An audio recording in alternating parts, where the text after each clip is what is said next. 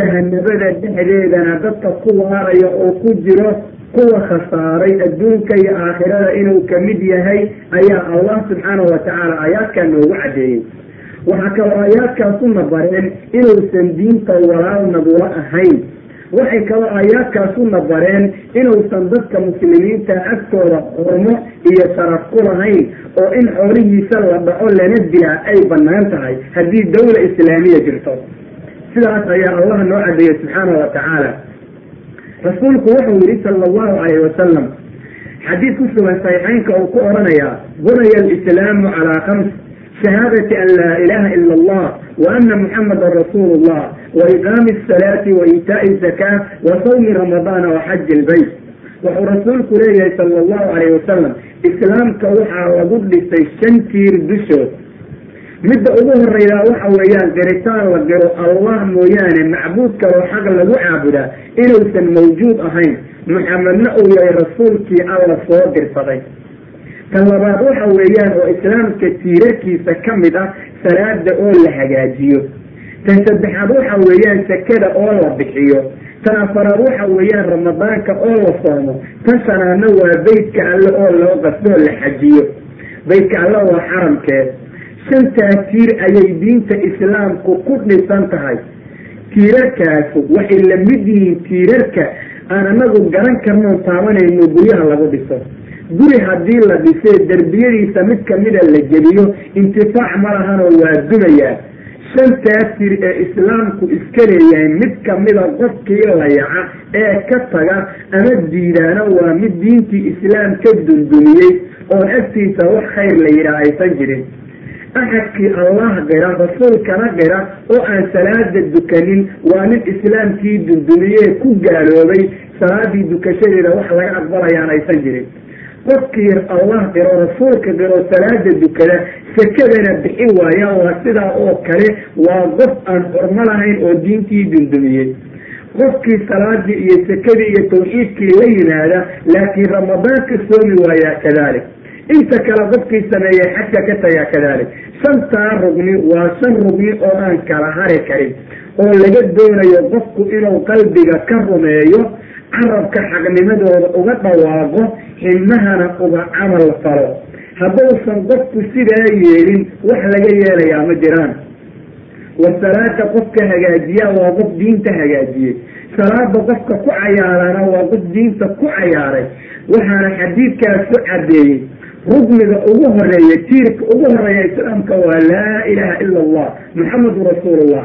Tiirka labaad oo haddii aan lala iman kii hore uusan meel istaagi karinna waa iqaami salaad wey waa salaadoo la hagaajiyo.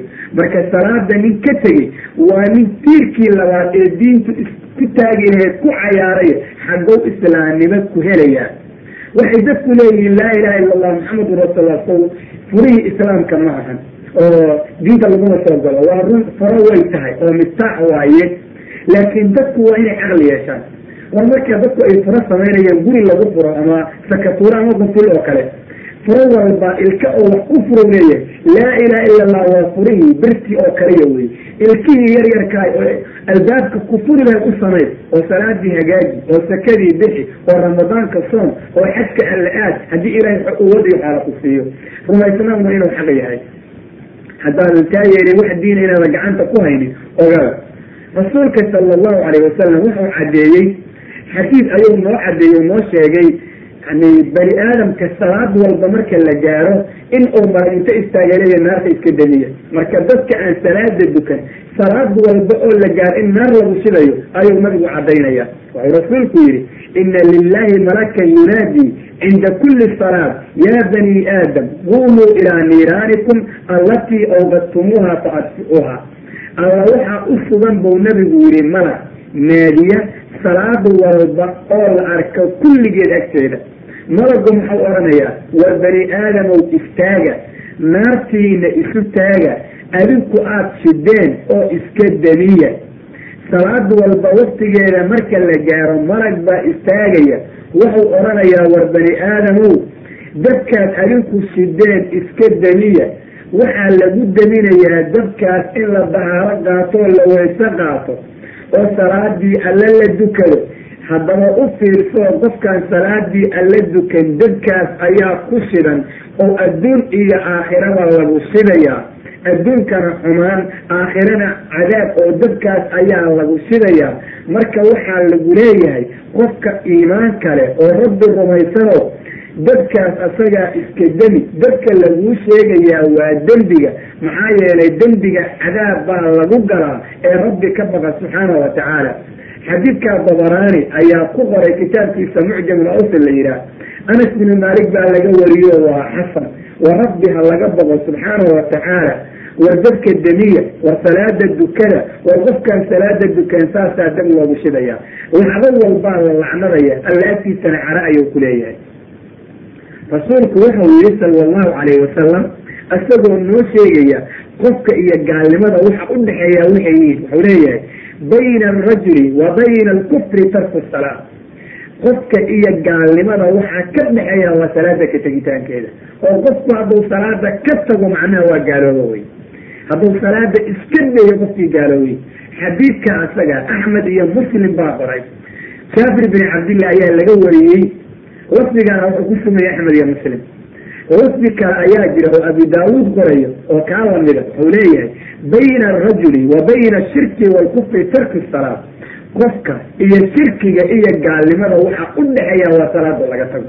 Qofku hadduu salaada ka tago alla waa u shariig yeelo hawadiisa oo caabuday waa gaaloobay oo nicmadii alla siiyo inkiroo diinta banaanku ka tegey.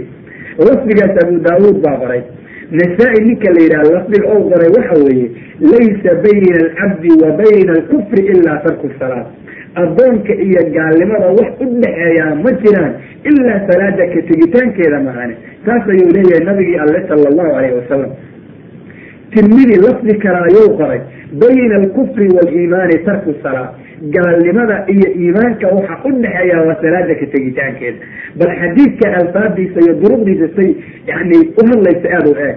Oo lagu cadaynayo qofka aan salaada dukan inuu diinta banaanka ka tegey wax ka dhexeeyaan aysan jirin dadka islaamka ee isaga ibnu maajah waxau qoraa isaguna lafdi kale oranaya bayna alcabdi waalkufri tarku salaat addoonka iyo gaalnimada salaada ka tegitaankeeda ka dhexeeya.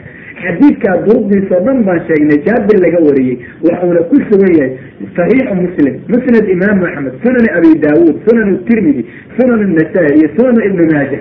Dadka islaamka rabbigooda ka bageen salaada allana ha hagaajiye dadka aan salaada dukan ee islaamka lagu sheegayana ha layska deeyo ilaa ahane ninka la yidhaha cabdullaahi ibnu shaqiiq alcuqayri wuxuu yidhi sida xadiid tirmidi ku sugan oo caddaynayo kaana asxaabu muxamed sala allahu calayhi wasalam laa yarawna shay-an min alacmaali tarkuu kufrun hayra asalaat asxaabtii nebi moxamed waxay ahaayeen sala allahu calayhi wasalam shay oo acmaasha kamida ka tegitaankiisa gaalnimo uu arki may salaada mahani salaada qofka ka taga gaalnimo ayay u arkayeen asxaabu maxamed oo dhan acmaasha kaloo laga tagana qofka gaalnimo kula soo degdegi may laakiin ninka salaada ka taga meel cad bay marsiiyeen.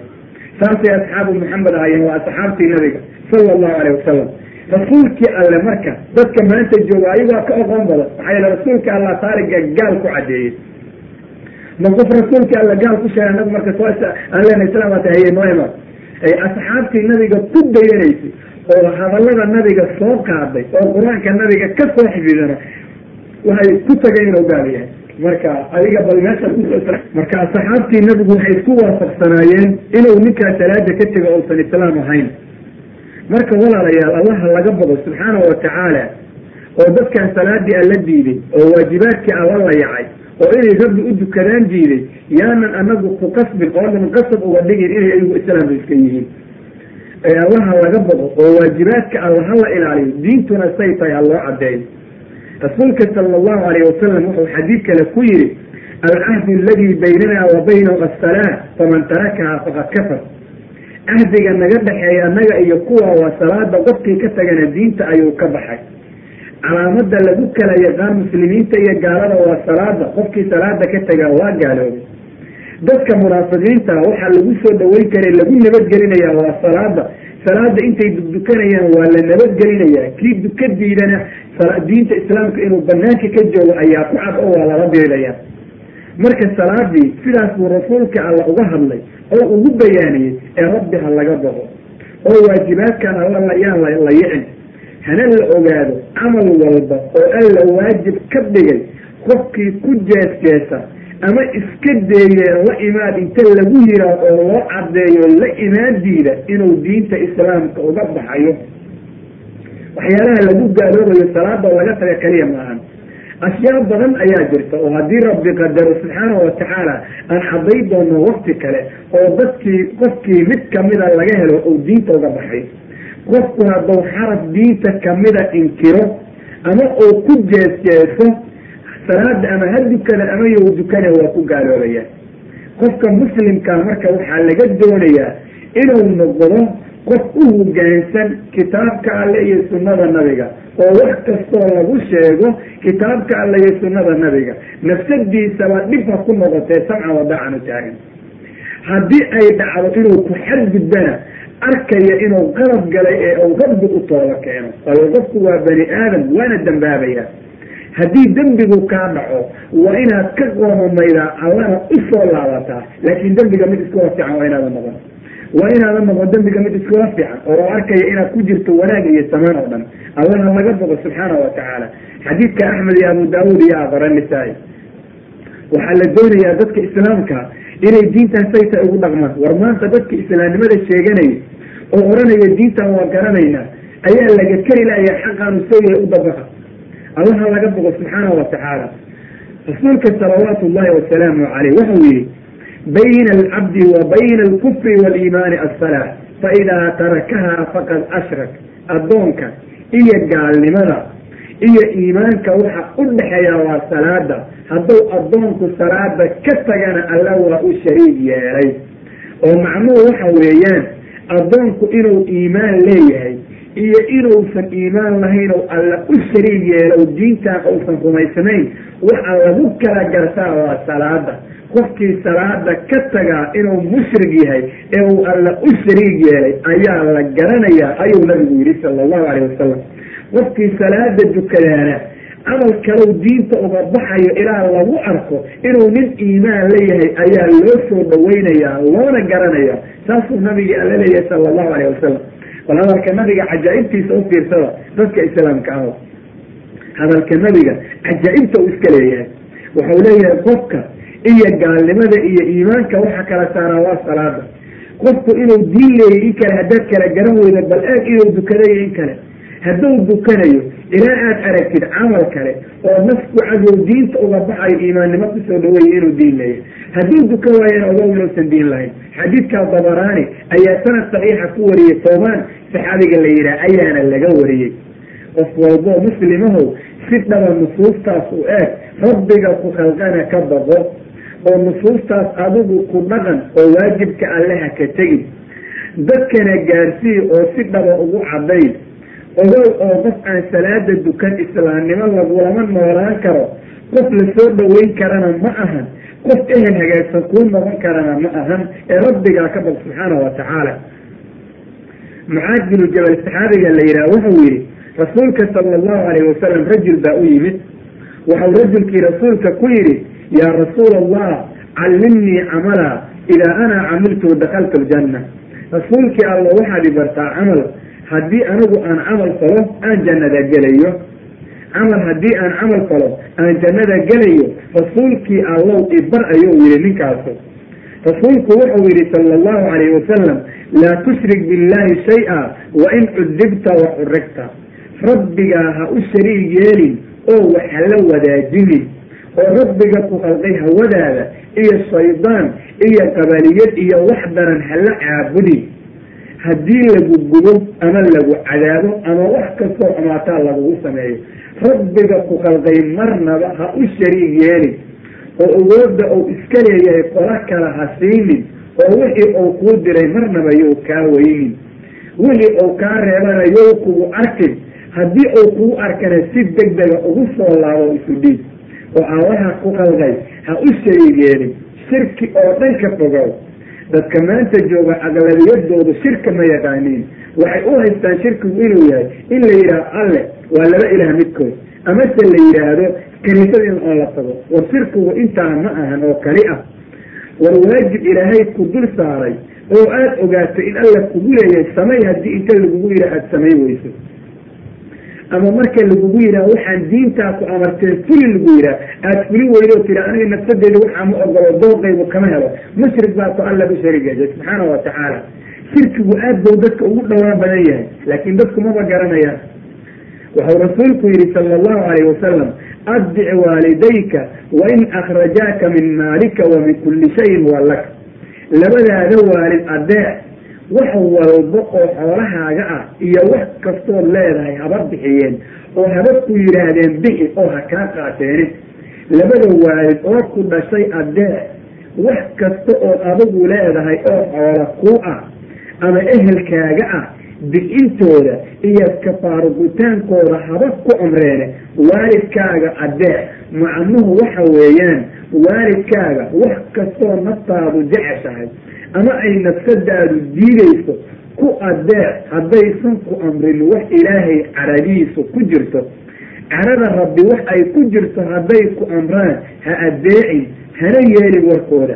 Laakiin inta kale waalidkaaga adeec warkoodana yeel rabbiga ku khalqayna ka baqo ayuu nabigu yidhi sala allahu calayh wasalam xataa haddii shaygu nafsadaada ku adag yahay haddaan cara allaba ka ratimayn waa inaad waalidkaaga ku adeecdaa rasuulku wuxuu yihi sala allahu calayhi wasalam isagoo hadalkiisa sii wada walaa tatruki asalaata mutacamida faina man taraka asalaata mutacamida faqad bari'at minhu dimmat llah salaada allee waajibkaa kas ha uga tegi salaada allee waajibkaa qofkii kas uga taga dimadii alle beri buu ka yahay. Ballankii iyo cahdigii alle waa mid ka baxay. Oon alle agtiisa in yar oo khayra u oolin.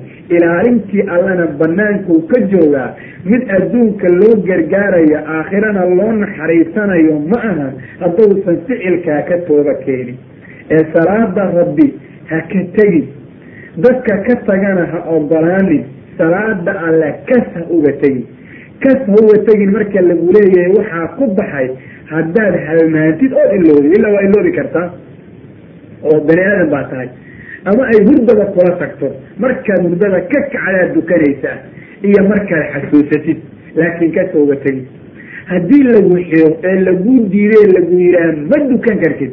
Qalbigaaga ma xakumaan dadku carabkaaga waxaad ka sheegaysana ma ogaan karaan ee carabka iyo qalbiga iyo indhaha ka duko. Ilaa waa dukan kartaa. Oo fattaqu llaha mastadactum waa la yidhi saad kartaan alla uga bada jeel baan ku jiro waa lay xiro waa duka waaye iyo dharkaa iga nijaasahay iyo biyaan ku weyse qaataan waaye iyo. Intaasoo dhan waa cudurdaar aan jirin si alla saad uwood u leedahay iyo wax alla waxaad haysatid ku dukaa lagu leeyahay.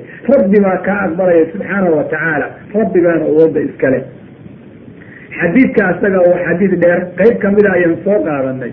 Waana acmaasha jannada lagu gelaya mid cadaynaya muraadka aan lahayn waa inaan tusno dadka sida uu nabigu u sheegay salaada qofka kas uga taga inuu beri ka yahay alla naxariistiisa wax alla agtiisa u yaalana aysan jirin. Xadiidkaa xasan weyaan dabaraani ayaa qoray dadka islaamkaa rabbi ha ka baqeen diintaana si dhaba ha u ilaaliyeen. Yaana laga tegin waajibaadka alle. Rasuulku wuxuu yihi sala allahu alayh wasalam laa tatruki asalaata mutacamida faina man taraka asalaata mutacamida faqad bari'at minhu dimmat llah wa dimmatu rasuulihi sala allahu alayh wasalam war salaada alle kas ha uga tegin salaada alle qofkii kas uga tagaa alle dimadiisa beri bou ka yahay ilaalintii iyo ballankii iyo ammaanadii alle kii rasuulkana beri bou ka yahay alle agtiisa wax u yaallaa ma jiraan. Xawlka nabiga kama cabayo shafaacada nabiga ma lahan hadduusan ka tooga keenin wax alle agtiisa u yaallo khayr leeyaha ma jiraan. Beri bou ka yaha lagu leeyahay marka rabbi ha laga boqo subxaanahu watacaala oo salaada ha la hagaajiyo oo waajibaadku showyaha loola yimaado. Xadiidka waa xadiid saxiixa oo umu laga wariyey axmed iyo bayhaqi baana qoray. Cabdullaahi binu mascuud wuxuu yihi saxaabiga la yidhaah man taraka asalaata falaa diina lah. Qofkii salaada ka tagaa wax diina ma lahan. Maxamed binu nasri ayaa ku qoray kitaabkiisa waa xasan hadalkaa sanadkiisa abu darda ninka la yidhaha wuxuu yihi waa saxaabi kale laa iimaana liman laa salaata lah walaa salaata liman laa wudu'a lah. Wax iimaan iyo diin diina ma lahan qofkaan salaad la imaan oo aan salaad lahayn. Salaadna ma lahan qofkaan wayse qaadan isagoo waysaqaadka heli kara. Haddaanan waysaqaadka heli karin salaadda way ka ansaxayda oo adilo kala cadaynaysa laakiin ninkii waysaqaadka heli kara wayse qaada diida wey iimaan iyo wax diina ma lahan baa lagu yihi qofaan salaad lahayn. Ibnu cabdilbiri ayaa wariye waa saxiix. Rasuulku wuxuu yihi sala allahu calayh wasalam man taraka asalaata faqad kafara. Salaada qofkii ka tagaa wou gaaloobay. Ibnu abi shaybe ayaa qoray waa saxiix. Ay salaada qofkii ka tagaa waa gaaloobo leeyay. Gaal buu rasuulku cadiyey gaal waad oran karta taarigii marka. Haddaba arrinka asaga qof walbu arag. Maxamed binu nasr almarwasi wuxuu qoray wuxuu leeyahay isxaaq ninka la yidhaha waxaan ka maqlay inuu yidhi waxaa xagga nabiga ka ansaxay sala allahu calayhi wasalam ana taarika asalaati kaafir. Salaada qofka ka tagaa waa gaal. Wakadalika kaana ra'yu ahli lcilmi min nabi sala allahu alay wasalam dadkii ahlucilmiga oo saxaabada iyo taabiciyiinta ahayna saas ayay qabeen laga soo bilaabo waqtigii nabiga. Ana taarika asalaati camda min gayri cudrin xataa yadhaba waqtuha kaafir ninkii salaada kas uga taga cudur la'aan ilaa waktigeedu ou ka baxo waa hal salaad kaliya u fiirso ninkaan weligii dukada laga wada hadli maayo hal salaad ayuu kas uga tegay cudur la'aan cudur ku xambaaray ma jiro ilaa waktigii salaadu baxay waa gaal ayay ku leeyihiin sanadka xadiidkaa waa xasan maxamed binu nasr almarwasi ayaa qoray xamaad ibnu zayd ninka la yidhaha waxau yihi ayuub ou ka sheegay tarku salaati kufrun laa yakhtalifu fi salaada in laga tagaa waa gaalnimo. Si ay saa isla ogolaayeen haddaba sideen anagu marka ku soo dhaweyna qofka taariga oon uga qof khayr leh. Abu maxamed ibnu xasmi ninka la yidhaha wuxuu ku qoray kitaabkiisa maxallah cumar bin khadaab cabdiraxmaan bin cawf mucaad bin jabal abu hurayra iyo keyrkood oo min asaxaabati ah radia allahu canhum waxay yidhaahdeen ana man taraka salaata fardin waaxida mutacamida xataa yakruja waqtuha fahuwa kaafirun murtad. Hal salaad oo waajiba waa hal bal u hal salaad oo waajiba qofkii kas uga taga ilaa waktigeedu ka baxo waa kaafir murtad ah kaafir murtad ah walaa naclamu lihaaulaai saxaabati mukhaalifa asxaabta wax ku khilaafay arrintaa ma jiran asxaabu rasuulillah waxay yidhaahdeen hal salaad oo waajiba qofkii kas uga tegay ilaa waktigeedu baxo waa kaafir murtad ah haye haddaba see taariga lagu soo dhaweeyey wa rabbi ha laga baqo subxaana wa tacaala oo waajibaadkan alla hala ilaaliyo oo dadka salaada ka tegay booskay joogana waad u jeedaa ee qof walba muslimo rabbigaa ka baqo haddaba. Adilada aan soo qaadanay ee aayaadkii aayaadka allah oo kitaabka munazalka ka mid ah iyo axaadiista nabiga sala allahu calayhi wasalam ee saxiixa iyo xasanka isugu jirta iyo culimadu wararka ay yidhaahdeen kulligood marka laysku duuduubo waxaa laga qaadanayaa axkaamta soo socotaa inay taariga ku dulfulayso. Awalan qofka taariga ah gabar muslimadu kuma xiranto oo gabar muslimada oo musalliyada oo diinta alla ogol ma ku xiranto taas ayaa laga qaadanayaa waxaana weliba daliil kale oo sii cadaynaya ah alla inuu qur'aanka ku yidhi laa hunna xillun lahum walaa hum yaxiluuna lahunna. Ma ahan gabdhaha muslimaadka ah dadka gaaladaa kuwa u xalaala oo nimankaas nimanka gaaladaahuna gabdhaha muslimaadkaa xalaal uma ahan. Nin aan dukan iyo gabar dukataa iskuma xirmi karaan laba aan dukanna diin layskula xiro lama hayo. Aayaadka iyo axaadiista aan soo akrinay dib ugu laabta haddaad khayr doonaysaan. Haddii kale iswaalwaala waxay rabaan dadku kasab inaad iskugu yidhahdeen islaamaa tihiin nagu dheh war diinta haddaan idinku rabay maanaga qasab idinkaga dhigayna islaamka waa ninka iswaalayo darbiyada isku ridayo oranaya waxaa nala ku samey waana la gaalaysiiyey. Rasuulkii allah gaala idinku sheegay.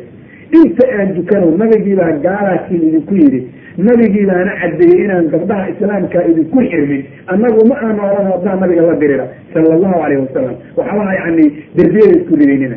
Yay dadka taarigiinta yaysan la noqonin inay ummadda ka xoog badan yihiin qaybana leeyihiin waa dad aan qayba lahayn. Tooba keena tawbaa idiin furan. Allana wou idinka aqbalaya.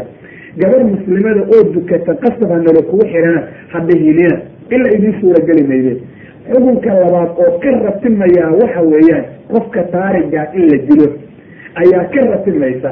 Waayo rasuulku wuxuu yihi man badala diinahu faktulu ninkii diintiisa bedela dila. Qofkii inta tawxiidka ku dhawaanay salaada duka waaye waa nin diinta bedelay waa in la dilaa murtadnimaa loo dilayaa qubuurta dadka muslimiinta ay leeyihiinna laguma duugayo. Hadduu dhintana markaas oo la dilo janaase laguma dukanayo ninkii ku dukadaana waa nin alla agtiisa uwo ka seegta ou leeyahay.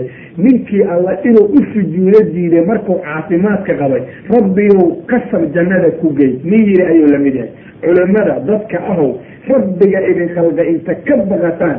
Dadka aan salaada dukan oo masaajida la keenayo oo janaasada ku dukanaysaan ama allaha u dembi dhaaf aadlada iska deeya ilaa alla qur'aanka wuxuu ku yihi maa kaana lilnabiyi waladiina aamanuu an yastakfiruu lilmushrikiina walaw kaanuu uli qurba. Nabiga alle uma haboona iyo dadka iimaan kale inay u gufraan dalbaan oo u duceeyaan mushrikiinta xataa hadday qaraabadooda yihiin markay ogaadeen inayba ku dhintaan meel daran. Mushrik inuu gaal yaana allah sheegay rasuulkii allahna cadeeyey sala allahu alay wasalam asxaabu rasuulilahna saas bay isku waafaqday war ninkan asaga ah oo salaada ka tegey ee saas ku dhintay.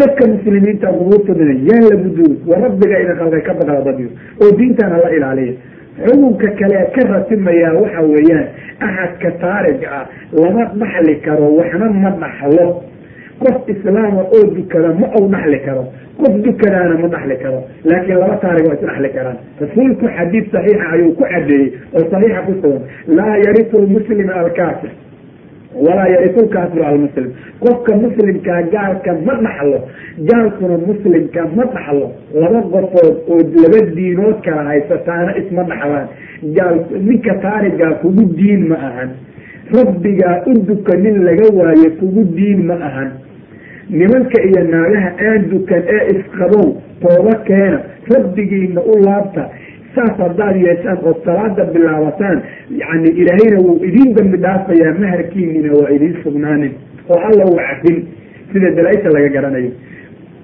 Laba qofood oo qofna dukato qofna ousan dukane isqabow ogaada wax idinka dhexeeya oo mahara inaysan jirin. Haddaad dhimataanna ma isdhexli kartaan oday hadduu dhinto aan salaada dukan ilmihiisu dhaxal ma lahan oo xoolihiisu dhaxal inay iska qaataan maani banki islaamiya waxbaa lahaa ilaa qofka aan salaada dukan wuxuu yahay ma lahan wax ou yahay ma lahan waa qof aad si aad u qayr daran marka nusuusta aan soo akrinay oo aayaadka iyo axaadiista ah iyo in badan oo kaloona weli sheegin ilaa aad bay u fara badan yihiin markaad ogaatay ka gadaal ood ogaatay waxa lagu sheego rasuulka alla ku sheegay. Adigu afkaaga ma waxaad kula haliinaysaa taarigu waa qof islaam waa qof diinla waa qof fiican. Masaas inaad tidhaahdaad rabtaa aad iyo aad baad uga badantaan axadka warka oran doono. War rabbi ka badan subxaana wa tacaala war xaqa ilaaliya. War diintan alla saytay ugu socda. War axkaamta ka ratimaysa qofka taariga arka war waxaan yidhi gabar muslimadu kuma xiranto war lama dhaxli karayo. War hadduu dhinta laguma dukan karayo. War dadka muslimiinta meesha ay ku duugan yihiin laguma aasi karayo. War markhaati ma galo. War war lama oran karo ilaah uu dembi dhaaf. War wuxuu yahay malahan war rabbigiina ka baqda. Waray dadyow tooba keena oo diintan islaamka ku socda oo xaqu saw yahay u ilaaliya. Waan jeclaan lahaa inaan intaa in ka badan ka sii sheego taariga adilada ku soo aroortay iyo muslimiintu waxay ka yidhaahdeen haddii rabbi qadaro subxaana wa tacaala laakiin waxaan rajaynayaa inta aan hadda sheegay qofkii khayr doonaya inuu ku waysami karo waxna ku qaadanayo allahna waxaan ka baryayaa xaqa inuu nagu sugo naguna dilo nagana dhigo dad xawdkii nabiga ka caba dadka muslimiinta meel ay joogaanbana rabbi ha u gargaaro hana waafajiyo samaanta qalbiga muslimiintana rabbi ha isu soo dumo dadka muslimiinta qulubtooda dawla islaamiya oo dadka diinta ku hogaamidana rabbi koonka ha ka dhaliyo ilaa allah isagaa dhali kareen. Allah ayaan weydiisanaynaa inuu nasri degdega muslimiinta siiyo. War dadka islaamka ahow rabbigiina ka baqdo isu dhiida haddaad rabbi baridaan oo daacada alle ku dadaashaan alla nasri degdega ayuu idin siinayaa waana idiin gargaarayaa faraj qariiba ayuuna idiin furayaa marka rabbi diintiisa ha lagu dhaqmo hana lagu socdo xaqa qof walbaana nafsadiisa geeriha ku xisaabo mar nafta layska qaadaya lama oga e allah subxaanahu watacaala hanaga dhigo bal cilmigooda oo noqdo mid naafaca waaqulu qawli hada waastaqfir llah lii walakum walijamiici almuslimiina walmuslimaat allahuma anfacna bima callamtana wacallimna ma yanfacuna wazidna cilma yanfacuna walxamdu lilah واجعلنا على كل حال ونعوذ بالله من حال أهل النار اللهم يا مقلب القلوب ثبت قلوبنا على دينك اللهم أقم دولة الإسلام على وجه الأرض كلها واجعلنا سببا لها اللهم مصرف القلوب والأبصار صرف قلوبنا على طاعتك يا حي يا قيوم برحمتك نستغيث فاغثنا يا أرحم الراحمين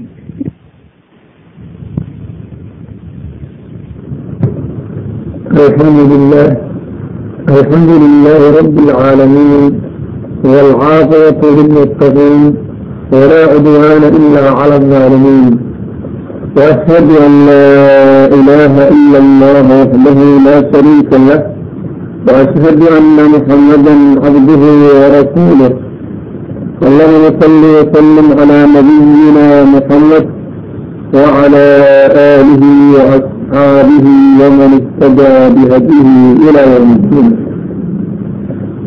أما بعد فقد قال الله تعالى في محكم تنزيله وهو أحسن القائلين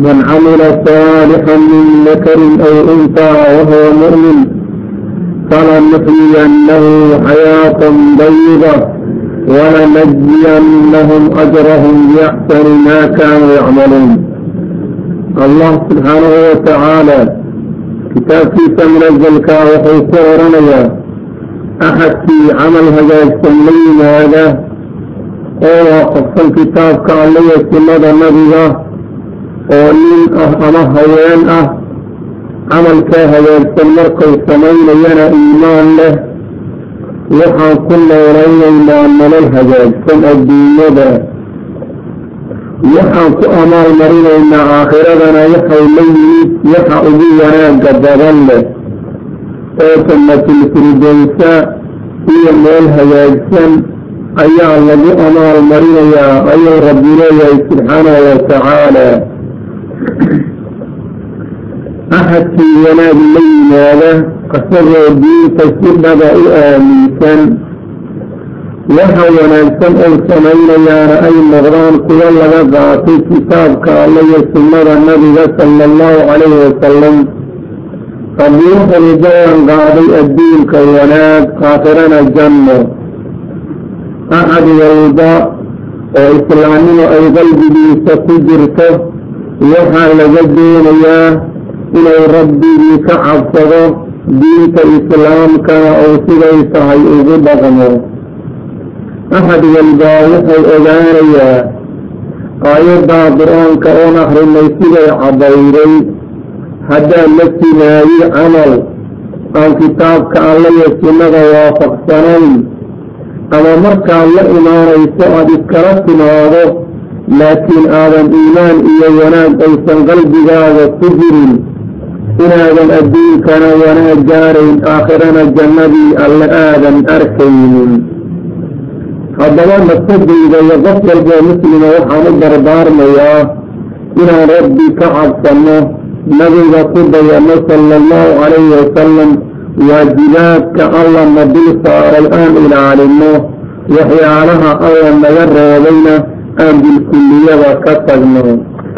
Waxaan daraaso ku samaynaynaa allah hadduu qadaro subxaanahu watacaala axadka taariku salaadka la yidhaha diinta islaamka booska uu ka joogo allah subxaanahu watacaala annagoo ka kaalmo dalbayna oo weydiisanayna inay samaanta iyo wanaagana waafajiyo kama dalbayna qaasimadeenna inuu hagaajiyo marka waxaan halkan ku jarsaynaa balaxadka salaada ka tegey oo islaamnimada sheeganayaa mawqifka uu ka taagan yahay diinta islaamka allah subxaanahu watacaala wuxuu yidhi fain taabuu waaqaamuu asalaata waaatayu azakaata fakhalluu sabiilahum ina allaha gafuuru raxiim hadday ka soo laabtaan dadkii shirkiga iyo kufriga oo ay rabbi waxdaaniyadiisa si dhaba u rumeeyaan oo ay ilxaadka iyo xumaatooyinka iska deeyaan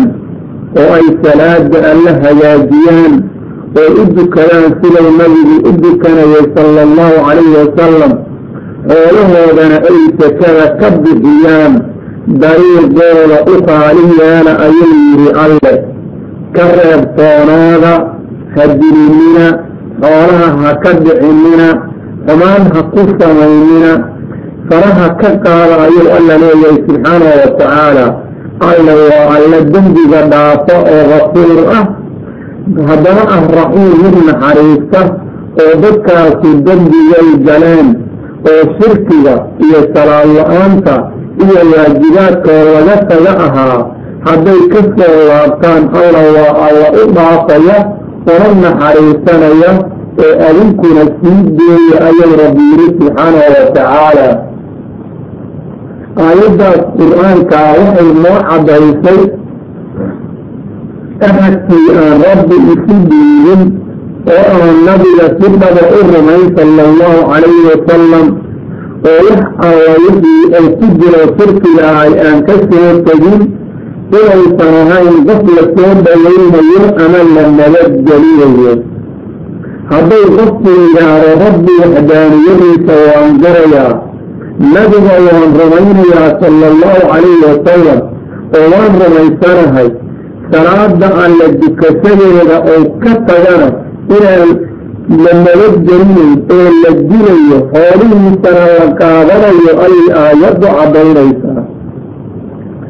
Hadday waxdaaniyadii alla garayo risaalada salaada oo hagaajiyo xoola inta rabbi siiyo ay sakada diido inaan la nabadgelinayn ayay aayaddu caddaynaysaa marka aayaddaasu waxay ka mid tahay jaraa-isha loo daliishanayo qofka salaada ka tegay in uusan dadka muslimiintaa ku tirsi ahayn. Alla agtiisana wax u yaalla oo wanaaga aysan jirin ilaa uu rabbi u soo laabanayo salaada kala imaanayo.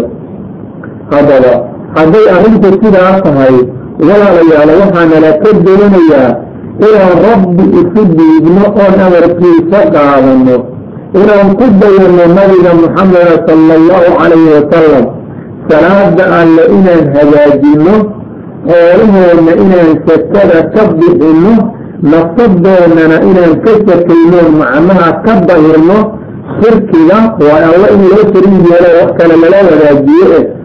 Iyo xaasilnimada iyo kibirka iyo xumaatadoo idilba haddaanu sidaa u dadaalno allah subxaanahu wa tacaala wuxuu noo ballan qaaday inuu dembigeenna dhaafayo noona naxariisanayo waana alla uwood leh ee wuxuu doono isagu fulinaya addoonkii amarkiisa qaatana u gargaaraya kii amarkiisa qaadan waayana ka aarsan karaya. Allah subxaanahu wa tacaala rabbi wuxuu ku yidhi aayad kale asalaata wa aatow zakaa faikhwaanukum fi ddiin wanufasilu aayaati liqowmin yaclamuun allah wuxuu leeyahay subxaanahu wa tacaala hadday ka soo laabtaan gaalnimada ay ku sugan yihiin iyo diinta islaamka la dagaalanka ay oo ay rabbi awaamirtiisa inay qaataan oy rumeeyaan oy diinta iyo dadkeeda nabadgeliyaan ay u soo laabtaan oo ay salaada hagaajiyaan oo ay xoolahooda sekada ka bixiyaan waa walaalihiin diinta idinkugu walaal ah ayuu alla yidhi. Subxaanahu wa tacaala. Aayaddaasi waxay noo muujinaysaa oo rabbi ku bayaaminayaa qofkaan rabbi waxdaaniyadiisa dirin oo aan rasuulka alla rumayn sala allahu calayhi wasalam oo aan diinta xaqnimadeeda si dhaba u aaminin salaada alla aan hagaajin sakadana aan bixin inaysan dadka muslimiintaa walaalo ahayn diinna uusan nala wadaagin ee islaamka uu bari ka yahay. Waa aayadda aayadaha caddaynaya ayay ka mid tahay in ahadka salaada ka tegay aysan islaam ahayn rabbi wuxuu yidhi aayaadkeenna waxaan u kala bixbixinaynaa qoonka wax garanaya oo wax fahmaya oo diinta eegaya oo axkaamta islaamka inay dabaqaan raba. War dadka islaamka ahow rabbiga idin khalqay ka cabsada oo waajibaadka diinta idiin jirtay ha layicimina oo salaada ha ka teginina oo xoolihiina ha ku bakiirinina amarka alla ha khilaafinina diinta islaamka dad u taagan oo difaaca noqda dadka muslimiintaa kuwa jecel noqda islaamka ha dhirinina xaqa ha la dagaalaminina xaaraanta ha banaysanina oo ha noqonina kuwa xawdka nabiga laga qadiyo ee waajibaadka alla seeyiinu ilaaliya. Bal haddaba aayadahaas aan akrinay ee labada ah ee ku jira suuratu tawba. Ka gadaal ninka qofka taariga islaamnimo u raadinayaa waa ninkee bal ninkaasu awood badana waa qof rabbi ka awood badan subxaana wa tacala soosay sheeganay waayo rabbilciza wuxuu labadaas aayadood ku caddeeyey ilaa uu qofkaasu diinta isu dhiibayo ee waajibaadka la imaanayo inaan lana nabadgelinayn muslimiintana uusan walaalo ahayn taasuu rabbi caddaynaya subxaana wa tacaala. Dad baa marka inta isu soo taaga ayuu sheeganayo inay culummo iyo dad diinta garanaya yihiin ayay kugu odhanayaan taariga ha ku xadgudbino ha la soo dhaweeyo yaan laga dhigaynin gaal ah war allah baa odhanaya ilaa uu salaada ka hagaajiyo xaqa dhag uga qaato. Walaal in lama ahayn maaligaa qasab noogaga dhigayo inuu diinta qof nagula jiro yahay oo rabbigiina ka baqa subxaanahu wa tacaala rabbilciisa subxaanahu wa tacaala addoon ou khalqaday oo ka diiday inay u sujuudo rabbigii khalqaday markaad adigu leedahay alla sujuuddiisiina waa diiday waana addoon alla rumaysan. Maxaad adigu ula jeedaa? Rabbiga khalqay hadduu rumaysan yahay. Axad diin aaminsan oo islaamnimo rabasa ou yahay ma rabbiga khalqay u sujuudo ma alla isu dileeyo amarkiisa qaato nimanka madaxdaa markay dadku la joogaan way isu dileeyaan salaanta ma ay dejiyaan ilaa dejiya la leeyahay kay dhaqaalaha ka rabaan way baryaan waxayna isaga dhigaan inuu ilaah u yahay oo kale. Si uhoos gurguuranayo haye dadku hadday marka rabbi rumaysan yihiin ma rabbigooda u sujuudaan oo isaga baryaan. Ma uga baqaan sida ay uga baqanayaan nimanka booliska oo ayagu koonfarabaanka waxyaalaha raadiyo run markay dadku sheegayaan war dadka kale waa dad aan diinta rabin marka xaqaa'idna la eego. War allaha laga bogo subxaanahu wa tacaala war salaadan allaha ka teginina war xoolihii masakada ka bixiya. War alla ka baqda. War qofkaan salaada dukan waa islaam. Been weeye. Axad aan salaada alla dukan islaamnimadiisa waa mid aan jirin. Maxaa yeelay hadday rabbiga khalqay aaminsan yihiin amarkiisuu qaadanaya war waad aragteen dadku markay alaab halista wataan lacag badan bay qaataan say ugu furtaan. Waxyaalo badan bayna isku dayaan dadku maxay naarta alle isaga furan waayeen oy rabbi ugu dukan la-yihin waa dadaan alla rumaysnayn subxaanahu wa tacaala. Haddaba bal qofka isagu taariga islaamnimo u raadinayo arduusa fide bal wadiiso aayadda alla u yidhi subxaanahu wa tacaala. Can ilmuslimiin maa salakatum fii saqar قالوا لم نكن من المصلين ولم نكن نطعم المسكين وكنا نخوض مع الخائضين وكنا نكذب بيوم الدين حتى أتانا اليقين الله سبحانه وتعالى وحي إليه وحى مسلمين تلقوا أرانيا ما كان ناس تلقوا ما سلكتهم في سكر نار تستكر اللي محائد الجميل naar kasta gara la yidhaah oo rabbi owi laa tubdini walaa tada lawaacatun lilbasar jirka bani aadamka wax ay ka tagtay baaqigeesaa ma jirto waana mid waana ka badan jiribka bani aadamka. Naartooba bi sida ugaga sheekeeyey oo sida caagabta maxaa ugu geliyey? Marka muslimiinta lagu yidhaahdo hadalka ugu horreeya odhanaya waa maxay? Lam nakun min almusallin kuwa dukana kuwo ka mid ah ma aanan ahayn.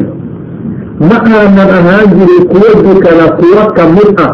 Rabbigaanan u sujuudi jirin oo aanan u rukuuci jirin amarkiisana aanan qaadan jirin. Waa muqdada ugu horeyda oy naarta ku galeen. Midda labaad waxay yidhaahdeen walam naku mutcimul miskiin masaakiinta kuwo guuriyana ma aanan ahayn xoolaha kama sakayn jirin dadka masaakiintaa ma daryalayn jirin. Xoog iyo xoolo waxaan leenahay dadka muslimiinta ee dhibaataysan wax iguma qaban jirin. Ama dad si dhaba isugu diibo isaga isu diidana ma aanan ahayn. Baladoo arag axadka islaamka aada u siiyey aayaadkaas. Waxay kaloo markaas odhanayaan wa kunnaa naquudu maca alkhaa'idiin dadka baadilka iyo qubxiga iyo waxa alla u caroodo kaliya dabaata ayaan micigooda la dabaalan jirnay balaayada oo kuwa baadilka wax ka dabaata ayaanu ahayn khaa'idiinta kuwa ah oo wax kastoo cara alla ku jirta wax ka gasaan ku jirnay. Dadka aan salaada duka waa sidaa. Waxaad arkaysaa wakti walba waxay u taagan yihiin inay diinta caayaan inay dadkeeda caayaan inay saacad walba qaylaan iyo turug iyo naago gaagaawan meelo u fadhiyaan iyo wax daran. Inay saacad walba raadinayaan sirin xaaraana iyo daroodasay uga shaqayn lahaayeen. Inay saacad walba ku dadaalayaan qof muslima say u gaajaysi lahaayeen amay muslimiinta isugu diri lahaayeen. Amay dawlada inta u tagaan ay dhihi lahaayeen qofka noocaasa waa qof aan hagaagsanin hala qabto saacad walba waxbay ka sayaan baadilkayna dabaalanayaan waxay kaloo oranayaan wa kunnaa nukadibu biyowmi diin. Waxaan ahayn kuwa beeriya amaalmarinta maalinteeda. Maalinta qiyaamada dad rumaysan ma aanan ahayn. Rumaysanaanta laguu sheegayaa ma ahan inaad afka ka tira qiyaama way jirtaa. Macmuul waxa weeyaan maalinta lays amaal mariyo dad u soo camal fashay ee wanaagi la yimaada ee diin ku dhaqma ma aanan ahayn ilaa ay geeridu nooga timi waxaan u taagnay inaanan dukan jirin inaanan khayr samayn jirin inaan baadirka wax ka dabaalan jirnay in aan ku dadaali jirnay wakti walba oo wax kastoo cara alla ku jirto. Laakiin ma aanan ahaan jirin dad u soo camal fashay aakhirada iyo qabriga iyo xisaabka ka dambeeyey. Inaad geeridu nooga timid waxaan ku shaqayn jirnay waxa alle ka caroodo oo kali ah. Waxaad arkaysaa aayadahaas qur'aanku sida ay noogu hadleen inay dadka aan ilaahay diintiisa ku dhaqmin ay ku socdaan. Wa rabbiha laga bado subxaanahu wa tacaala. War dadka aan salaada dukan khayrgabadooda waa u jeedaan qofkan isagu odhanaya salaada waan dukadaa ee xaaraanta kasaya oon xoolahiisa ka shakaynayna kuwaasuu la mid yahay. Maxaa yeele rabbi wuxuu yidhi ina asalaata tanhaa can ilfaxshaa'i walmunkar salaada waa midda saaxibkeeda ka reebta dunuubta waaweyn iyo suxsiga iyo qurunko igili waxaas salaada aad dukanaysaa haddaysan xaaraanta kaa reebin oo aadan ribada iyo xumaatada uga harin salaada ma ahan.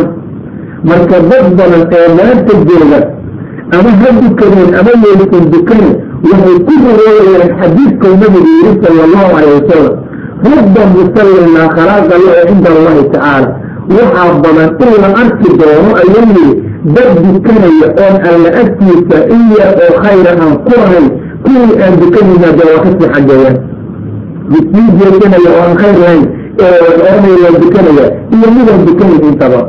Waa dadka islaamnimada sheeganaya oo oranaya ummatu muxamed baa nahay waa rabbiga idi khalqo inta ka cabsataan. Ummatu muxamed lama yihaa ummad aan salaad dukanayo waa faarigu salaada salaada alla dukana ummatu muxamed lama yihaa ummad wada jaajuusa ee jaajuusnimada iska deeya ummatu muxamed lama yihaa ummad aan sakada bixin oo aan masaakiinta u gargaarin. Xoolihiina sakada ka bixiyo masaakiinta u gargaara ummatu muxamed lama yihaa ummad kulligan kamuul ku wada sadayra iyo wax daran ee ummatu muxamed waxaa la yihaa ummad walaal ah oo diinta walaala ku ay walaalooda oo rabbiga ina khalqay ka baqa subxaanahu watacaala ummatu muxamed lama yihaa dad saacad walba qayooya oo daroogo iyo sigaar iyo wax daran oo diinta aan u taagan ummatu muxamed lama yihaa ummad haweenkooda ay wada taawan yihiin islaamnimada sheeganaysa ee dumarkiina la disixira oo rabbigiina ka baqoo xaqan ilaaliya ummatu maxamed maxaa loogu been abuuranaya say rabbi say yiri maa ummatu maxamedka waa ummad macruufka isku sheegta iyo wanaaga xumaasadana isku reebta. Rabbilciisa subxaanahu watacaala dad u rumaysan. Marka maxaa loogu been abuuranayaa ummadii nabi maxamed sala allahu calayh wasalam waxaa nala ka doonayaa inaan noqono dad hagaagsan oo diintaas siday tahay ugu dhaqmaa oo salaada aan la yicin. Dadka salaada la yacana sheega runta oo xamaatada ka celiya. Wixii salaada ala hagaaji waayana waa in dhinac cad laga maro oo si dhaba loo geeyo oo loo cadeeyo inaysan diinta meel kulahayn ilaa ay salaada alla hagaajinayaan. Waayo waxaa lagu magacaabay musrimiin dadka aan salaada alla dukan oo rabbiga odhanaya can ilmusri maa salakatum fii sakar marka la yiri qaaluu lam naku min almusalliin muslimiinta markuu aayad kale uga hadlayay wuxuu yidhi ina almuslimiina fii cadaabi jahannama khaalidiin. Dadka muslimiinta cadaabka jahanama dhexdiisa kuwa ku waaraya weeye sidaas ayuu rabbi cadeeyey subxaana wa tacaala. Marka bay u fiirsada haddaba muslimiinta cadaabka jahanamaday ku waarayaan buu alla yidhi. Muslimiinta tilmaanta ugu horeysa oo lagu yaqaanaana waa salaado la'aan hadda dadka salaada ka tegana wax kaloo dhan oo sameeyo laga aqbali maayo. Xataa hadday yidha wanaag baan sameeyaa laga yeeli maayo. Inta kalau sameeya isagoon samayn bay la mid tahay. Haddaysanna salaadii alla dukan marka haddaba waxaa nala ka doonayaa inaan rabbi ka baqanon xaqiisooyo u ilaalino. Allah subxaanahu watacaala dadka allah subxaanahu watacaala wuxuu ka hadlay dadka salaada waktigeeda waktigeeda ka layaca wuxuu u yeeyahay cadaabkiisa xun waa dadka ayagii marna dukada marna iska deeye allah subxaanahu watacaala wuxuu yihi fawaylun lilmusalliin aladiina hum can salaatihim saahuun aladiina hum yuraa'uuna wayamnacuuna almaacuun allah wuxuu yidhi cadaabkiisa daran iyo halaag midkiisa xun wuxuu u sugnaaday dadka ayagu musalimiinta ah oo odhanaya waan dukanaynaa oo dukanaya awqaadaha qaarkood oo salaadooda halmaansan. Xadiis baa jira sanaadkiisa wanaagsan oo ku fasiraya waa dadka salaada waktigeeda ka layacaya oo shahawadooda raacaya. Oo ay dhicin karto inay maanta dhan ku mashquulaan business ay leeyihiin iyo shaqooyin ay wataan. Caawa fiidnimada marka la gaarana inay kankii salaadood dhahaan waa wada dukanaynaa. Kuwaasoo markay cibaadaysanayaan ummadda istusaya waxyaalaha aan ayaga mid u geysanayn oo dadku uga baahan yihiinna mancinaya sida alaabta maacuunta iyo waxyaalaha darisku ka rabaan. Waxaa dadkaas halaagga loo yabohay oo cadaabkiisa adag bay oo alla yidhi lagu yaqaanaa tilmaamo saddexa tilmaanta koowaad waxa weeyaan ma ilaaliyaan waajibka allee salaada ah waxaad arkaysaa inay marna yimaadiin amaakinta lagu dukanayo in badanna aysan tegin tilmaanta labaad ee lagu yaqaanaa cibaadada ummadda ayay isku tusaan waxayna dadka u muujiyaan dad muslimiina oo dukanaya inay yihiin. Tilmaanta saddexaad oo lagu yaqaanaa waxyaalaha ay dariska iyo masaakiinta uga baahan yihiin way ka manciyaan waa dad khayr daran oo alla diintiisa inay ku cayaareen aada arkaysid. Marka dadkii salaada waktigeeda ka layacayay oo a laga yaabo inay awqaadaha gabal ku dukadaan ama ay marmar marmarna ka tagto marmarna la imaanayay ayaa cadaabkiisa daran loo yaboohay ee kuwa inay tusaan maahane aan alla wejiga dhulka uga dhigin oo lixdan sano iyo wax ka badan ku gaaray ama labaatan sano iyo wax lamida ku gaaray salaada dukada marka la yidhaahdana ka faanayaa maxay malaysanayaan yaa rabbi cadaabkiisa ka celin doona. Dad baa marka lagu yidhaha salaada dukada waxay kugu odhanayaan ma haddaad annaga naleeda annagoo dad waaweynin maalin walbaba gacantaada dabada la-aadoo dhan istajada ayagoo caayaya. Way ogaan doonaan jahanaba dhexdeeda ku istajooda marka lagu yihaa biyo naareed waxayna arki doonaan xamaatada ay leedahay salaada oo laga tagaa qabriga marka lagu celiyo siraadkana ay muddi mari waayaan.